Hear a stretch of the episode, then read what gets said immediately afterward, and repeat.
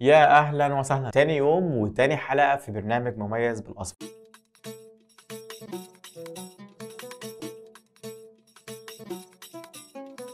تذكر جيدا أن الناس على سطح هذا الكوكب لا يقفون في صف واحد طويل. أمعن النظر إننا جميعا نقف في دائرة في حقيقة الأمر ونمسك بأيدي بعضنا البعض. إن أي شيء تعطيه للشخص الواقف إلى جوارك سيعود إليك في النهاية. جامد جدا الكود ده. يعني أنا أول ما قرأته كده لازم ده يكون موجود. بص يا صديقي الاقتباس بيقول تذكر دائما. خليك فاكر دايما إن إحنا كلنا واقفين على سطح هذا الكوكب في دايرة مش واقفين في صف. فأي حاجة أنت هتعطيها للشخص اللي واقف جنبك هتلف هتلف هتلف هتلف وهترجع لك لأن إحنا أصلا واقفين في دايرة فبالتالي لو في حاجة بتمر على خط الدايرة كده هتفضل ماشية ماشية ماشية ماشية لحد ما تجيلك تاني. هنا بقى ملحوظة عايز أضيفها من رأيي الشخصي إن الحاجة دي النوع اللي أنت هتديه أو النوع اللي أنت هتعطيه هو اللي هيعود عليك. نرجع تاني للمقولات اللي لها علاقة بدي زي مقوله كما تدين تدان الحاجة دي لو كانت حلوة هتلف هتلف هتلف وهترجع لك حلوة. الحاجة دي لو كانت وحشة هتلف هتلف هتلف وترجع لك وحشة. لأن أنت اللي خرجتها وأنت اللي خليتها تلف وتجيلك. فأحسن اختياراتك وأحسن معطياتك بمعنى صح. لما تدي الناس ادي لهم الحاجة الحلوة. عشان لما ترجع لك في يوم من الأيام تبقى حاجة حلوة فعلا ما تكونش حاجة وحشة وتضرك. أنا فعلا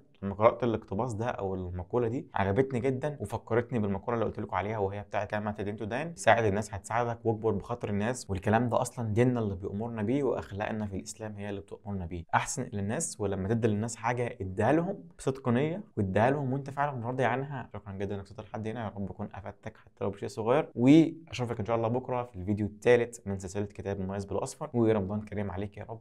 السلام عليكم.